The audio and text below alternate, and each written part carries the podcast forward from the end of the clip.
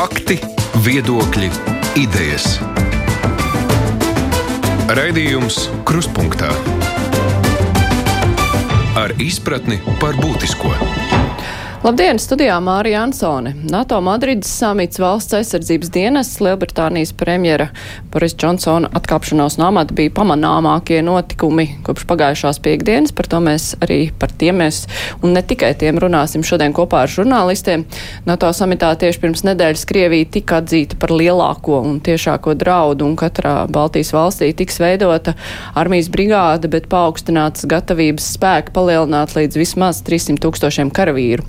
Par karavīru skaitu palielināšanu domā arī Latvijā, un aizsardzības ministrija nāk uz klājā ar ierosinājumu veidot valsts aizsardzības dienestu, kas savā ziņā būtu līdzīgs obligātajam militārajam dienestam, bet nu, tur ir iespējas dažādi to nodienēt. Žurnālisti, kas šodien kopā ar mums no TV3 ievārna, sveiki, Ieva. Sveiki. Andriš Kār, Kārklu Valks no Delfi Plus, sveiks. Sveiki. Un Mārs Antonevičs no Latvijas avīzes galvenās redaktors vietnieks. Sveiks, Māri. Sveiks, Māri. Par eh, NATO samitu runājot, eh, pirms tam ļoti plaši aizskanēja Igaunijas premjeras izteikumu par to, nu, ka, teikt, saskaņā ar NATO plāniem Baltijas valstis tiks iekarotas un pēc 180 dienām atkarotas un ka tas nekam nedara.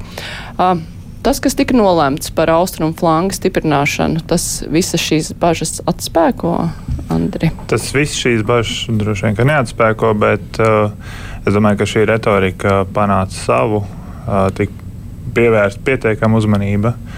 Un, uh, ir lietas, par ko arī šis samits tiek kritizēts, bet lielākoties tās atsauksmes ir pozitīvas. Jo tas, ko mēs vēlējāmies, uh, pastāvīgi spēku, uh, spēku palielināšana šeit, tas ir panākts. Un uh, arī šī ātrās rēģēšanas vienība, kas jau, nu, jau ir diezgan iespaidīgs cipars, uh, tika radīta tikai 14. gadā. Tā, tas, uh, tas, kā viņa izaugusi, ir. Uh, ir pat grūti aptverams.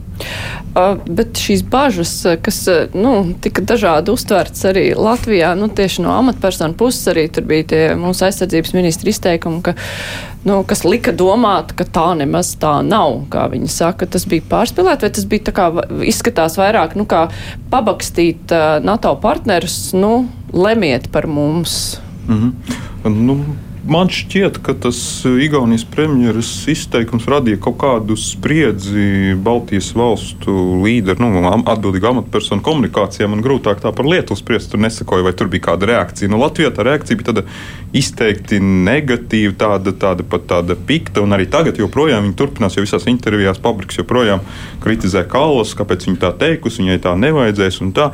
Nu, kaut kas tur šoreiz nebija saskaņots tajā komunikācijā, bet um, vienkārši no malas skatītājiem šķiet, ka nekas jau tur slikts nav. Kad faktiski Igaunijas premjera ir nu, rīkojusies kā trauksmes cēlāja, pat ja viņi pārspīlēs, nekas nav tāds slikts. Kaut kā mūsu amatpersonas pasniedz, nu, ka tas tomēr bija nepareizi, tā. Nu, man liekas, ka tas ir aizgājis, nu tagad mums jāvērtē tie rezultāti. Man pašam tāds labākais jaunums šķiet Somijas un Zviedrijas. Nu, tagad jau nepārprotam taisnais ceļš uz NATO, un mums tas ir liels iegūms, jo nu, faktiski reģionā tas stiprina daudz vairāk drošību nekā nu, mums tur papildus karavīrus atsūta. Tomēr tas NATO, NATO bloks paliek vienotāks un tāds stabilāks. Tā kā, tādā ziņā es to kā visvairāk uztveru. Protams, arī citas labas ziņas no šīs samita. Bet uh, vēl tomēr atgriežoties pie šīs te arī nu, fabrika komunikācijas. Kādu iespēju tas atstāja? Nu, tajā brīdī, kad notika tā diskusija, ka mūs satrauc uh, Igaunijas premjeras izteikumu, un savukārt tas tika pretī no Latvijas amatpersonas, nu, ka jūs neko nesaprotiet, mēs, mēs visu zinām, uzticieties, mums tā bija tāda veiksmīga komunikācija, vai, nu, tomēr mazliet greizi aizgāja, jau kā tev šķiet? Es tomēr teiktu, ka greizi, ka, nu, tiešām bija, kā kolēģis teica, tā sajūta tāda, ka tiešām tur nebija ar to komunikāciju līdz galam kaut kas. Uh, atrunāts, vai tā sajūta radās tāda, ka nu, uh, Igaunijas amatpersonas varbūt zina kaut ko vairāk nekā mūsējās. Bet uh, paturpinot par to uh, pašu NATO samitu, vai tas ir mazinājis šīs bāžas par to, vai šāds scenārijs varētu būt.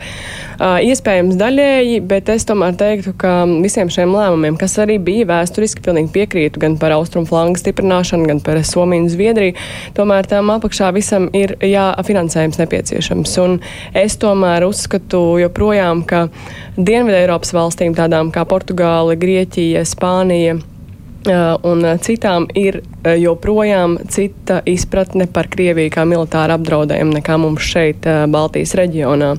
Un, nu, to mēs redzēsim, cik ilgā laikā un kā tad šie visi pieņemtie lēmumi tiks realizēti dzīvē. Bet cita izpratne, bet vai nepietiekoši nopietna izpratne? Mēs redzam, kā Spāņi mums palīdz ar tiešām ar būtisku aizsardzības sistēmu. Jā, savā ziņā jā, bet par to pašu, ja mēs runājam par finansējumu ieguldījumu kopējai NATO aizsardzībai, nu, tas ir atkal cits jautājums.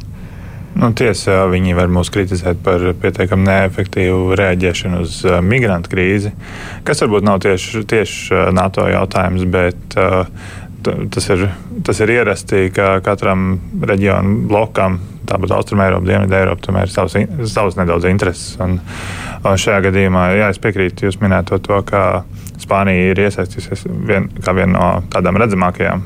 Un, tas, tas tāds ir tāds apliecinājums, ka jā, nu, viņi parāda, ka mēs saprotam, cik jums tas ir nopietni. Tā pašā laikā tieši vakar arī ārpolitikā viņi mēģināja šobrīd uh, akcentēt atkal migrantu krīzi, cik tas mums ir svarīgi. Tā ir diplomātiskā spēle. Jautājums par iepriekšējo, par ko Pabriks teica. Tas nav varbūt pietiekami izskanējis, cik tas ir, cik viņa teiktais ir ār, ārpus Latvijas vērtēts. Vai tas bija vairāk mums pašiem? Un kā bija? Kā um, viņa teiktais tika vērtēts ārpus Latvijas? Es tā, tas, nu, cik es tieši apskatīju arī pirms šī raidījuma, un arī iepriekš tas neizskanēja, un skatoties, nu, tas praktiski netika manīts, tika manīts šī kalas teiktais. Un tas arī bija tas nu, nepieciešamais priekš samita. Varbūt šis pabrika turpinājums bija priekš mums. Bet runājot par ieguldījumiem, arī vienlaikus ar NATO samitu parādījās izplatīt tādas nu, tā kā attēlu, tā kā tabulas, kur bija viss NATO valsts Eiropā, kas ir, un karavīru skaits, kas ir vietējos bruņotajos spēkos un kas ir NATO spēkos. Un Latvija tur tā ļoti izcēlās ar to, ka mums pašiem savu bruņotie spēki ir maz, kas ir loģiski, jo mums obligātā militārā dienesta nav. Uh, Vai lēmums, kas nāca no aizsardzības ministra, varētu būt saistīts ar to, ka NATO samitā kāds ir aizkulisēs pieļauj. Teicis, kāds pabakstījis. Kāds jā. ir pabakstījis, jā. Nu, iespējams, ka varbūt kaut ko mazliet pabakstīja. Nu, mums tā lielā problēma, ko, ko, ko, kas arī ļoti uzkrītoši ir, ir tas rezervistu daudzums, tas aktīvo karavīru. Varbūt mums tur nav problēma, mums Igaunijā ir pat mazāks aktīvo karavīru skaits, bet, nu, toties rezervisti viņiem ir vismaz uz papīra ļoti iespaidīgi, tur pār 200 tūkstošiem, nu, mums ir 6000, nu, salīdzinājums ir tāds iespējams pabakstīt, bet es domāju, ka nē, ka tas tā atziņa, ka tur kaut ko nāks nāksies darīt, un kad tur vairs nevar. Pat, patiesībā tas pat pirms kara sākuma es piefiksēju, ka tas bija jaunais gads, kad Pabriks par to sāka runāt, ka kaut kādā formā mums tomēr iespējams nāksies atjaunot. Un, Un tad nu, pagājis nepilns pusgads, kad ir kaut kāds lēmums. Kā, es domāju, to sagatavot to arī pa pāris dienām nevarētu. Nu, tad varbūt, varbūt, varbūt tas tiešām tas pātrināja kaut kādā veidā. To bija domāts kaut kad vēlāk paziņot, bet nu, tas pātrināja to paziņošanas laiku, bet nevis to lēmumu pašu. Tas lēmums tiešām bija laicīgāk. Un, un, un tad, ja, ja bija tā pabakstīšana, tā jau bija notikusi jau iepriekš. Kā, bet, nu, tas, es domāju, nu, jau militāri eksperti par to ir runājuši. Mums tur ir, protams, asas diskusijas vienmēr bijušas, un politiķi vienmēr stāstījuši, ka nē, nē, bet militāri eksperti ir teikuši, ka tādām valstīm kā Latvija, nu, tas ir faktiski neizbēgami, jo bez tā, bez obligātā dienesta kaut kādā formā sagatavot rezervi, nu, nav iespēja. Kaut ko tur aiziet, kaut ko lāpīties ar valsts aizsardzības mācībām, nu, tas nav īsti nopietni. Nu, tāpēc agri vai vēl pie tā jautājuma būs jāatgriežas labāk, protams, ātrāk, kā to izdarīja. Nu, Igaunija nekad vispār nepārtrauca šo, šo sistēmu un nepārtrauca nepārgāja. Lietuva atgriezās 15. gadā, nu tagad arī Latvija sekotais pašās pēdās. Nu, ir vēl variants, kas ir izskanējis, ka tas ir pirms vēlēšanām vienkārši paziņots, kā nu, tā lieta, kas, ar ko aizsardzības ministrs paliks atmiņā daudziem varbūt arī ļoti patīkams. Tas ir saistāms ar to, un vai vispār šo jautājumu var nu, tik ātri izlemt līdz vēlēšanām? Bija, protams, tajā dienā, kad bija sasaukta šī preses konference, kas nokrita kā uh, sniegs no skaidrām debesīm. Bija, protams, tas pirmais um, bija jā, arī jautājums izskanēja par to, vai NATO samitā ir uh, kāds pabikstījis, ka nāk šīs lēmums tagad tik strauji paziņojums. Uh, bet uh, ministrs teica, ka nē. Nu, saistībā ar vēlēšanām arī, nu, tur, protams, kad arī atbildēja, ka nē, bet es. Um, um, uzskatu, mans personīgais viedoklis, ka tas, protams, ka varētu būt saistīts arī ar vēlēšanām, un uh, lai šo realizētu dzīvē, nu, tam būs nepieciešams ļoti ilgs laiks un ļoti liels finansējums. Kā, kad mēs to redzēsim, kad būs kaut kādi taustāmi rezultāti no tā, vai tas būs janvārī, kad ir paredzēts šis pirmais brīvprātīgais iesaukums, nu, es ļoti stipri šaubos. Bet vēl ir jautājums, kurš par to lems, vai tas ir izlemjams līdz saimnes vēlēšanām, vai tiks atstāts pēc saimnes vēlēšanām? Kā tas varētu vispār virzīties? Kāds ir vaicājis, cik strauji aizsardzības ministrija to domā piedāvāt un virzīt cauri? Cik es sapratu, tas kaut kāda virzība tiek plānota līdz augusta beigām. Nu, tā tad, acīm redzot, ir plāns šo dabūt cauri vēl esošajā saimnes sastāvā. Interesanti, vai esošā koalīcija to varētu atbalstīt? Nu, patiesībā ir diezgan liels jautājums, cik tas, ir, tas plāns ir gatavs, ņemot vērā, ka šobrīd katru dienu izskan jaunas variācijas par to, kā tas izpaudīsies. Tas īsti būs šajā dienestā. Būs sievietes, nebūs sievietes, kam būs obligāti, kas varēs izvēlēties. Tātad tas parāda, ka, nu, tāds, ka līdz galam kaut kāds plāns nav tad, eh, tad, tad tas tiek šajā brīdī diezgan strauji. Bet, ja tā ir tāda taustīšanās, ja nav vēl tāda konkrēta ļoti dokumenta, ko dot apspriešanai valdībā, tad, eh, nu, tad tas izskatās, ka nebūs tik strauji lēmums. Nu, to ir šobrīd grūti paredzēt, jo no vienas puses eh, šobrīd kara apstākļos šāds lēmums ir arī loģisks. Un, un, ja nebūtu vēlēšana gads, tas arī varētu būt izskanējis. Tas ir grūti pateikt, tas, cik vēlēšanas to iespējo. Nu, Tad, kad cilvēki sāk apspriest arī sociālajos tīklos šo jautājumu, tad tur pirmais bija tās sievietes, kāpēc tās sievietes nav obligātā kārtā. Un, nu, tad kāds ieminējās arī par to, nu, kā pielīdzināja padomu laika armijai ar visām ģedovšinām un ārpus reglamentu attiecībām tulkojumā un uh, tur citi mierināja, ka tā jau nebūs. Uh, lai gan, protams, uh, tas jau viss ir jāveido no jauna, kā izveidos, tā arī būs.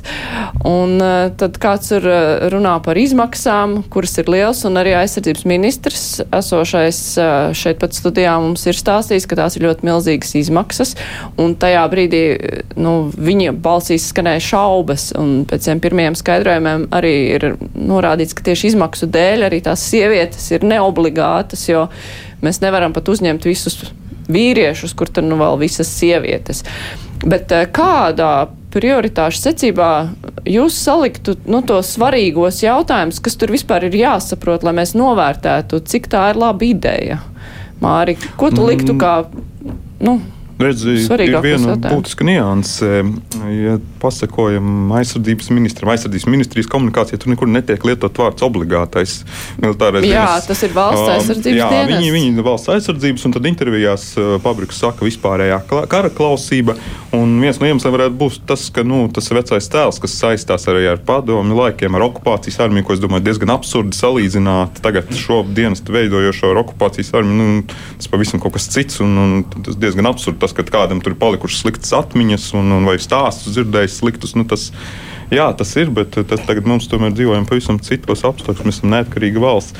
Bet, protams, tāpēc man šķiet, ka tas otrs iemesls, kāpēc netiek lietots obligāts, ka nu, sākotnēji viņš mums tik obligāts nebūs, ka tas būs tāds Tā kā nu, arī Lietuvā jā, tāds hibrīda variants, ka tā kā, tā kā ir obligāts, bet beigās jau tomēr ir kaut kādas brīvprātības, jo, jo visus, visu tā kapacitāte neatļauj vienkārši visus iesaukt, un, un, un tad tur ir tā tomēr kaut kāda, kaut kāda alternatīvas. Un tagad jau arī parādās alternatīvas, ka, piemēram, tu vari izvēlēties, labi, tur ir kaut kādi alternatīvie dienesti. Arī, nu, tas jau sākumā parādījās. Variet zemes sardzē, kas, nu, kas ir pavisam cits, tev nav tur patstāvīgi jābūt, tas ir 20 dienas gadā, kas tev ir jāvēl. Nu, tā kā tev ir jau kaut kādas izvēles iespējas, un tā kā jau, jau tur kaut kā kādas variācijas. Tā es domāju, ka sākotnēji tas būs drīzāk nevis kaut kāds tāds obligātais, ka visiem tagad visiem, bet kaut kāds hibrīda variants, nu, cik, cik resursi atļauj. Un, protams, tas stāsts vienmēr ir bijis. Galvenais, jā, ka mums nevaram to, ka tas pārāk dārgi un, un tas, tā dārdzība nu, neatmaksājas. Bet viņa neatmaksājas, jo mēs nevaram veidot tik spēcīgu, nu, tur iekšā koncentrēt tādu.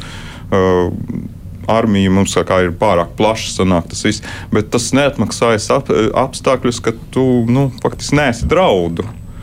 Tā kā tagad nu, mēs redzam Krievijas draudus, tad jā, tad uh, it kā.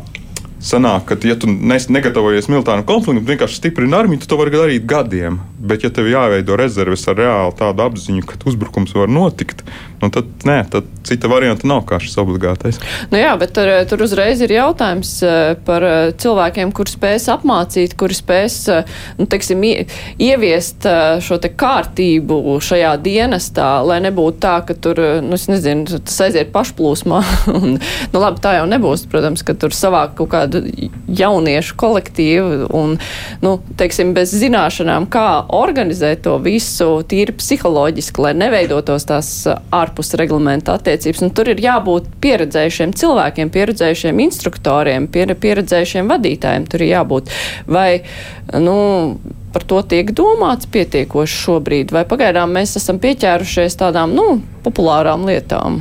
Es domāju, ka šobrīd ir vēl tāda taustīšanās, jo kaut vai apskatoties uz šīm četrām komponentēm, bija šis valsts aizsardzības dienas, tad ir zemesardze, tad ir vada komandieru kursi, un vēl bija tas ceturtā alternatīva, ja neviens no iepriekšējiem nedara, nu tad, piemēram, var izvēlēties eh, kādā no iekšlietu stru struktūrām eh, - civila aizsardzība, ugunsdzēsības glābšanas dienas policija.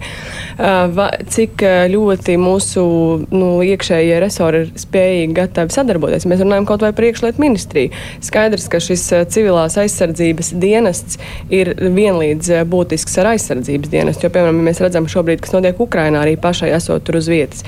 Um, cilvēki, nu, tie, kas, protams, ir asinis līst mums frontes līnijā, notiek uh, lielākās kaujas, bet vienlīdz svarīgi ir šie civilie tūkstošiem, kas ir iesaistīti tieši, tieši tā, kuri palīdz civiliedzīvotājiem. Jā, jā. Un te ir tas jautājums, cik ir uh, gatavi sadarboties, cik ir tiešām spējīgi šāds mehānisms, vai viņš vispār ir izdomāts.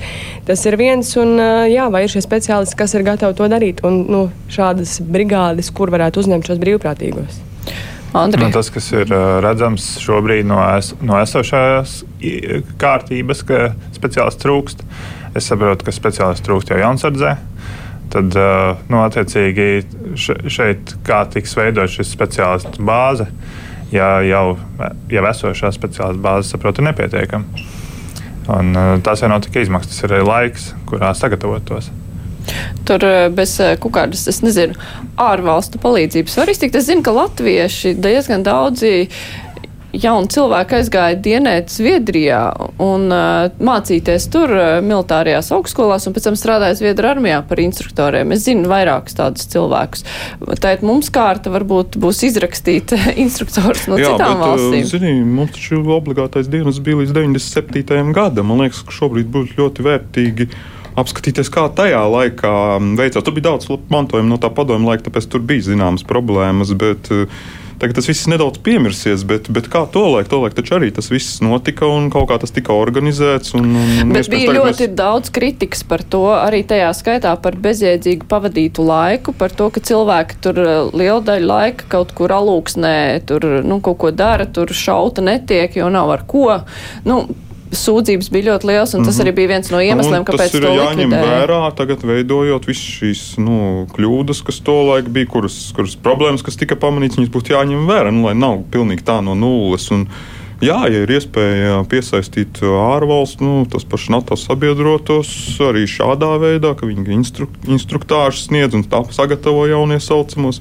Varbūt no valstīm, kur, kur šis obligātais dienests ir visu laiku bijis, kur viņš nav atcelts, nu, tāpat Ziemeļvalstīs.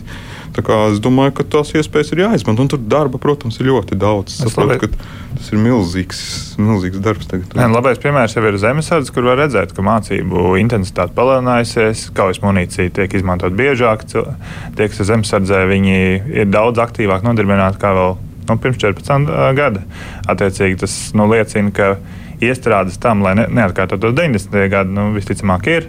Motivācija arī ir pa šo laiku pilnīgi mainījusies. Un, uh, visticamāk, 90. gados, kad turpinājās šīs ārpus reglamenta attiecības, kas, uh, kas arī bija viens no iemesliem, kāpēc uh, bija atbalsts tam, lai obligātā militāro dienas izbeigtu. Nu, tas jau ir pārtraucis šajā laika posmā. Tas ne, visticamāk, ja, ja tas netiks veidots no jauna, mākslīgi, tad tas nevar tā izveidoties tādu. Ir vēl nu, arī no publiskajām diskusijām izskanējis, ka varbūt nevajag nu, tā, to saukt par obligāto dienestu, prasīt, lai visi nāk, nu, kurš tur izvairīsies, kurš nē, bet uh, padarīt uh, dienestu Latvijas bruņotajos spēkos uh, zemes sardzē, nu, kaut kā motivēt, lai cilvēkiem būtu interesantāk tur iet, ka tur, nezinu, lielākas algas, kaut kādas mācīja, iet zemes sardzē, nu, kaut kādas, nezinu, atvieglojumi kaut kur veselības aprūpē. Nu, teiksim tā, salikt burkānus, lai cilvēki, jo, jo mēs redzam arī diskusijās, nu, ir daudz, kur labprāt gribētu, bet, nu, nevar izšķirties, jo tāpēc, ka, nu, nekāda īsta labuma jau arī nav vai tāds burkānu variants? Eh, es domāju, ka noteikti nostrādātu, ja, piemēram, būtu attiecīgs finansējums. Šobrīd bija um, runa tajā buklotā, ko arī aizsardzības ministrija bija izplatījusi, bija 400 um, eiro uh, mēnesī šī stipendija. Skaidrs, ka uh, jaunam cilvēkam, kurš iespējams visticamāk šajā laikā vēl arī ir pēc vidusskolas tikko iestājies augstskolā mācās, viņš uh, kaut kur uh, pie, pie, pie, piepelnās, lai varētu izdzīvot. Nu, mēs zinām, mūsu skatoties arī uz mūsu cenām, šobrīd nekas neliecina ka tās ies uz leju nu, ar 400 eiro mēnesī šo stipendiju. Bet nu, pie pilnas pensijas toties. Nu, jā, ja viņš dzīvo viens, ja viņam vairāk neko nevajag, tad nē, es domāju, ja viņš dzīvo kazarmās, nu, jā, tad jā. Bet, nē, nu, valsts skolā jau arī neko vairāk nesaņem studējot stipendiju. Tur ir bet tās Mhm. maksa pie tam bieži dienas mācību maksa. Tā kā, nu, tādā ziņā jau nē. Bet man liekas, ka tur mums mazliet jāpamēģina paskatīties, nu, protams, mums tālu līdz tam, bet Izraels piemērs, kur, kur kur ļoti prestiži un ļoti viss raujas dienēt. Nu, tur nav, nu, tur neviens neatsakās, tur sievietes labprāt. Bet tas ir kaut kāds sociāla kontakta veids. Tā izveidojas tā sistēma, ka faktiski tā armija ir tāds kā atspēriens tālākai dzīvei. Tu bez tā pat īsti nevari iztikt. Un, ja tu izvairies, tad tu kā mazliet esi izstumts no tās sabiedriskās dzīves. Tur ir, ka viņi visi viens otram palīdz, tie kopu dienas biedri. Viņi vienmēr tur vienmēr palīdz visādos darbā, iekārtos tur aizies. Un, ja tur uzzinās, ka tu tur esi bijis, tad tā bijušais tas viņš uzreiz tev palīdzēs un viss būs. Nu, tā ir tāda sociāla kontakta. Protams, tas, tam ir jāpaiet gadiem un jāizveidojas un paudzēm jāaiziet, lai tas izveidotos. Bet, nu, kaut kā to pievilcību varētu veidot šādā veidā, ka tu esi, ka tu, ja tu esi dienestu izgājis, tad tu esi jau tāds mazliet jau prestižāks arī nu, sabiedrībā. Cilvēks tev jau tā kā mazliet skatās, jā, tu jau esi sagatavotāks dzīvei, un tu esi gatavāks arī šim darbam, tā karjerai. Tā. Nu, tad, tad, tas būtu jāmēģina tā arī tā psiholoģiski noskaņot sabiedrība, ka tas nav kaut kāds sots. Jo, nu, varbūt 90. gados tas tikai varētu uztverts arī tā, nu, ka tie tādi, nu, kam nepaveicās, tie tur bija tajā dienestā. Nu, šobrīd, šobrīd būtu jāveido cits tēls. Jā, šobrīd būtu ļoti jāizvairās no tā, ka soci, sociāli nelabvēlīgākie ir tie, kas primāri mm. tur būs, jo viņi nespēs atpirkties vai atrast kādu citu vietu, kur būt. Ne, nu viņiem arī būs Viņi pievilcīgāk teiksim, tā, tas burkāns, kas tiek piedāvāts teiksim, cilvēks, kurš nāk no sociāli nelabvēlīgas vidas. Es domāju, ka viņam tie 400 eiro mēnesī arī nemaz nav slikti. Ja viņš... Tāpēc būtisks ir arī šis paralēlais status, kad tu esi bijis armijā vai bijis šajā dienestā ka tas tev ir prestižs arī tad, ja tu esi nācis no ļoti labklājīgas ģimenes. Kad tu tur esi bijis, tas tev ir bonus arī tad. Bet kā tāds prestižs veidojās? Nu, tāds prestižs ir... veidojās no nu, kopējās sajūtas par to, ka mums patiešām ir šis ārējais drauds un mēs kopā šo ārējo draudu varam novērst. Kāds, es, tas, ko es esmu savulaik studējot, redzējis Somijā, ka, kā pavasarī tiek svinēti šie te izlaišana, izlaidums un, un tie, kas dosies uz dienas, tas ir tā, tāds svinēšana. Tas ir tāds gods būt tur. Es varbūt vēl piebilst, ka noteikti ka te ir arī jāņem vērā tā, nu, tāda, kas nu, tagad sāksies, ka būs šī valsts aizsardzības mācība, nu, tā, tāda patriotisma, noteikti, kad arī nu, stiprināšana jaunos cilvēkos skolā, līdz ar to viņš pabeidz skolu. Un, Tas vairs arī nešķiet, ka tāds ir tāds sots man tagad iesauks uh, valsts aizsardzības dienestā, bet nē, es to iešu darīt, tāpēc, ka tā ir mana valsts un es savu valstu aizsargāšu.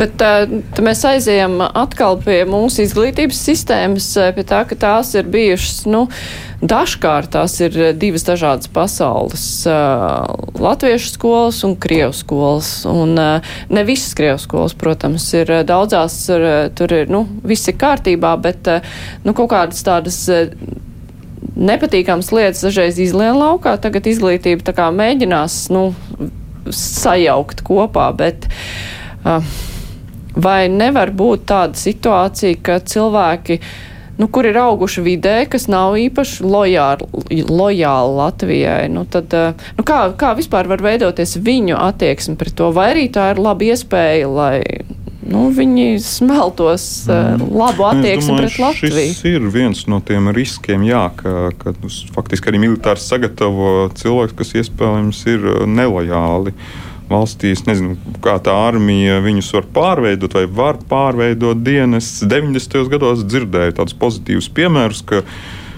krievu puiši nokļūst armijā un iemācās tur latviešu valodu un, un, un, un dzied latviešu dziesmas. Un es, es pats braucot vienreiz vilcienā, dzirdēju, ka brauc eh, uz Daugopilu kaut kādi jaunieši formās un, un, un sāk dziedāt, dziedāt kaut kādu pilnīgi latviešu dziesmu un zina visus vārdus. Tas bija tā kā pozitīvi. Bet kā, kā tagad tas ir, jā, tas, tas, tas ir viens tāds risks, kas būtu jāņem vērā kaut kā.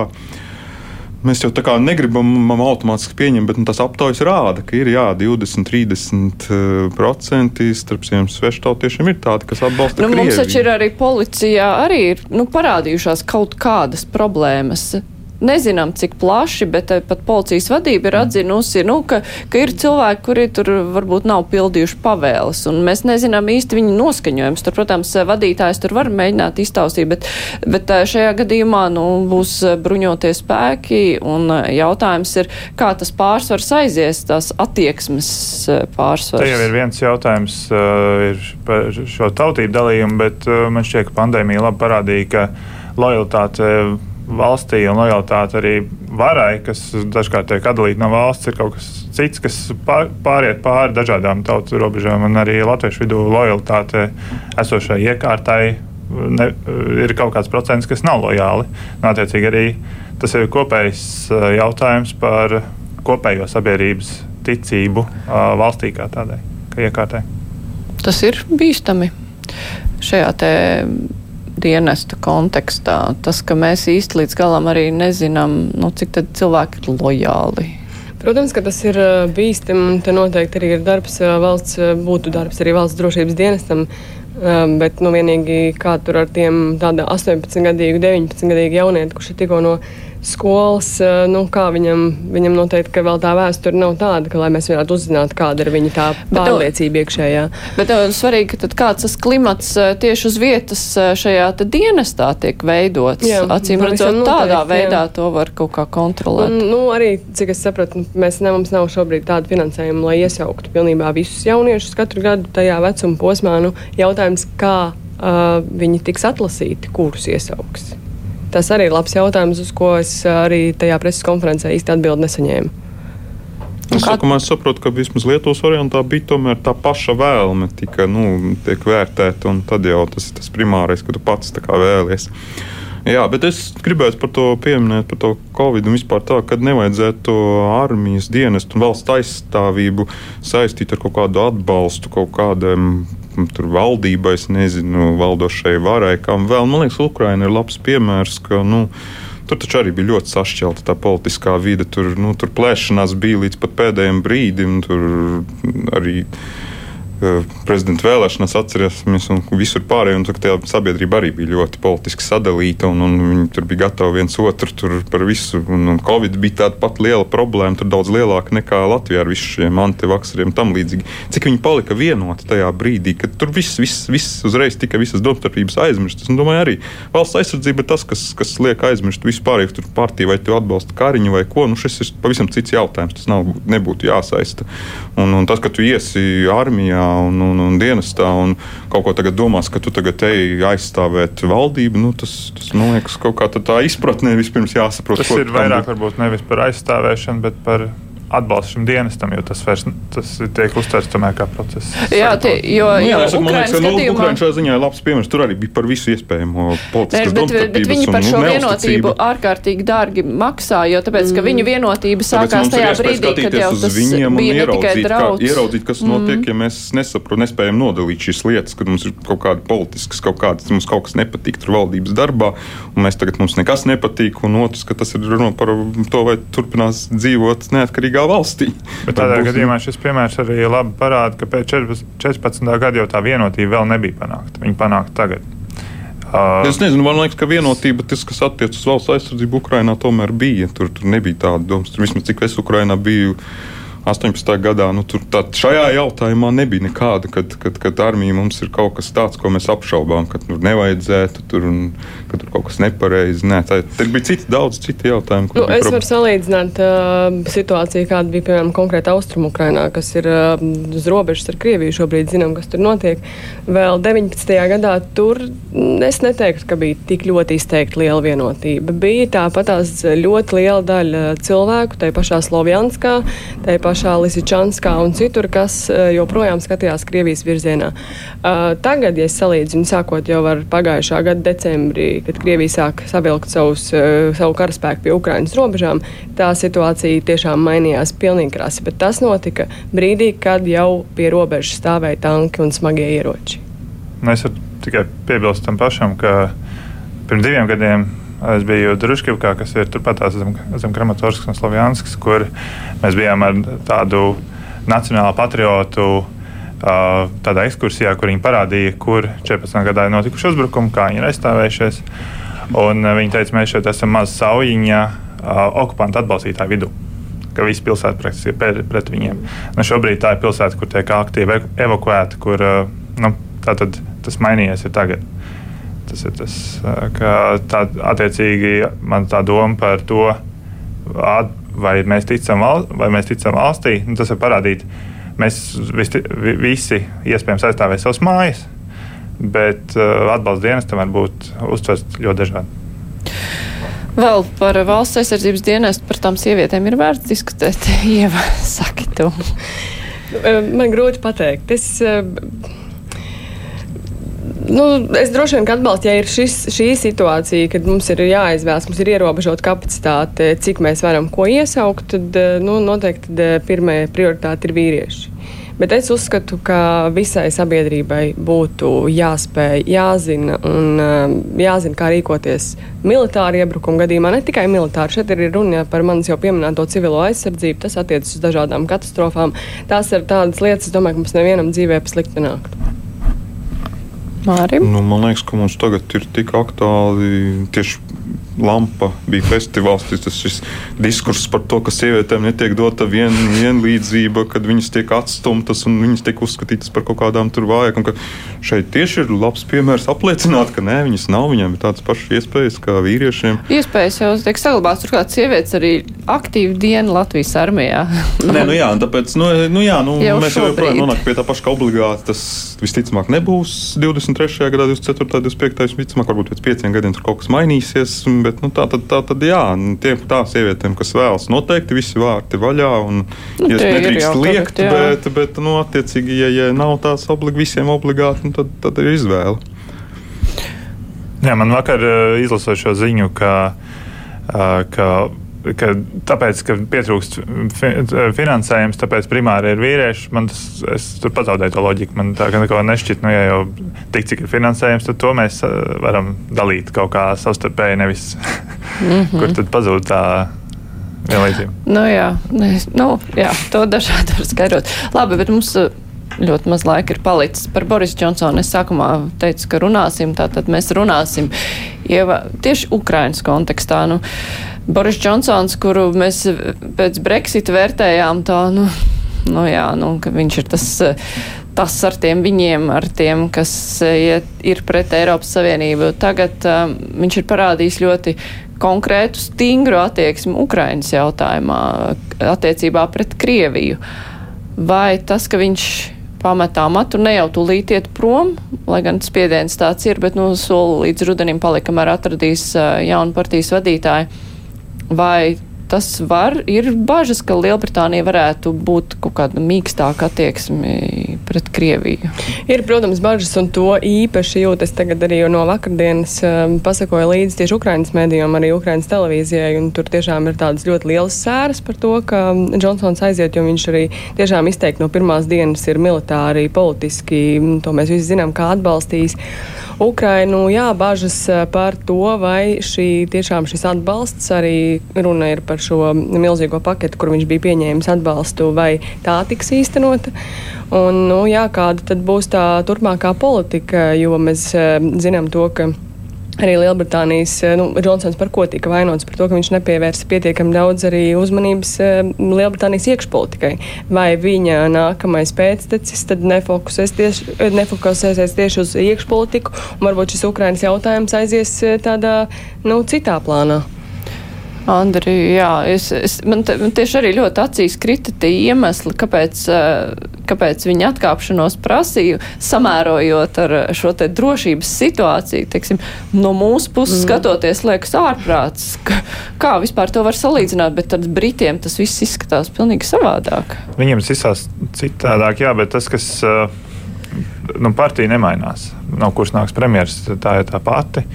Un uh, arī nu, redzēsim, kādi būs tie iespējamie varianti, kas, kas nāk, bet tas lokus, kas lemj par ārpolitiku līdz šim partijām, kas ir dominējošs, viņiem ir apmēram vienādi domājoši. Cik spēcīgs būs pats Boris Džonsons vai Boris Džonsona aizvietotājs starptautiskajā vidē, tas ir jautājums. Jo Boris Džonsons jau ienāca kā starptautiski pazīstams un uh, spēcīgs orators. Un, uh, patīkams vai nē, tas ir katram atkarībā no tā, uz ko skatās, vai Brexit patīk vai nepatīk, vai citi jautājumi, bet viņš uzreiz pievērsa uzmanību un pievērsa attiecīgi arī Ukraiņu uzmanību.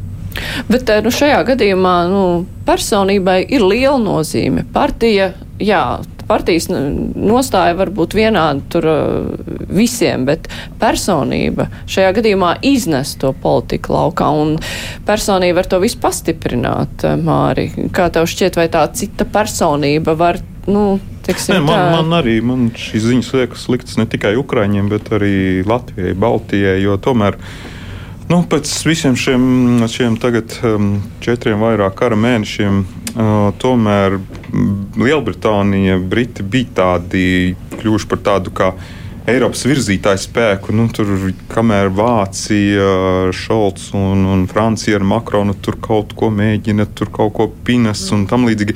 Tomēr tā konsekvence bija Džonsonam, nu, un mēs uztvērām viņu kā kopumā valstī. Tas tāds, nevēl viņam arī bija paziņojumi, kuriem kad nu, tur kaut kādi apmēram alternatīvie bloki jāsāk veidot Austrum Eiropu kopā ar Britiem, un tad mēs būs tie, kas noteiksim to drošības politiku. Un tas bija vairāk tāda, protams, tāda, tāda, tāda retorikas līmenī, nekas jau tur tā konkrēts nebija, bet nu, vienalga tas bija tāds kā. Un tagad ir, protams, ka viņiem ir zināms, būs iekšpolitikas juks, lai cik tur ātri atradīs to nākamo kandidātu. Nu, tur būs, kamēr viņš tur apstiprinās valdību, tur visas diskusijas kaut ko, gan jau arī opozīcija tur pamēģinās.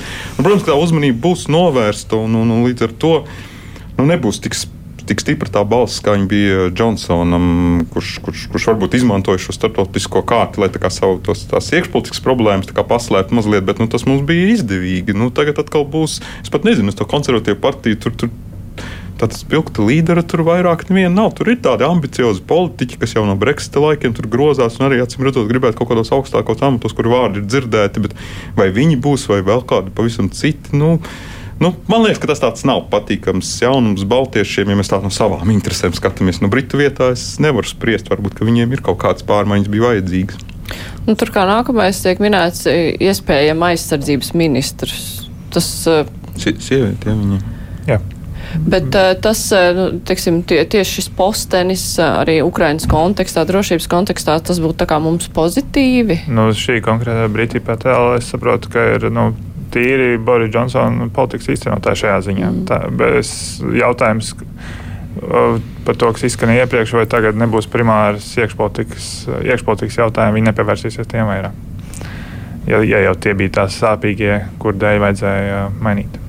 Tajā pašā laikā šie iekšpolitikas jautājumi liekas nu, tādi. Nu, uh, nu, ne, ne tik ļoti svarīgi uz tā visa kopējā fona. Tad varbūt tā, un ja, jā, iekšpolitikas būs... jautājumi būs svarīgi, jo nu, nu, tāpat viņiem, kā jā. mēs jūtam ekonomisko krīzi, tāpat arī visas Eiropas valsts, arī Briti jutīs, un noteikti rudenī tas viņiem būs diezgan, diezgan jautājumi, ar ko valdībai nāksies risināt, un mazliet, mazliet šajā virzienā vairāk skatīties.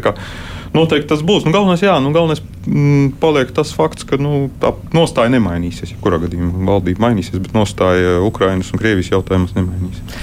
Un atkāpšanās ceļš tur nekāds nav izlemts, aizies, un viss tikai teikt jautājums ir varbūt ātrāk par ūdeni piespiedīs aiziet, jo pats viņš negrib iet. Tā tas ir jāskatās, jā. Ja? Atkāpšanās ceļa tur nav nekāda. Un Es tā saprotu. Jā. Es Jā. arī saprotu, ka jā, un tad uh, vienkārši jāgaida, kurā brīdī, cik ilgi prasīs, lai atrastu jaunu uh, aizstājēju. Jā, labi, skatīsimies, kas notiek. Tas droši vien tiks apspriest arī nākamajos raidījumos, gan kruspunktā, gan divās puslodēs, kas mums skan trešdienās. Redzēsim notikumu attīstību. Bet es saku paldies, Ievāri no TV3. Bija šodien kopā ar Paldies. mums Andris Kārklu Valks no Delfi Plus. Paldies un Māris Antonevičs no Latvijas avīzes. Bet mums ir pienācis laiks brīvajam mikrofonam.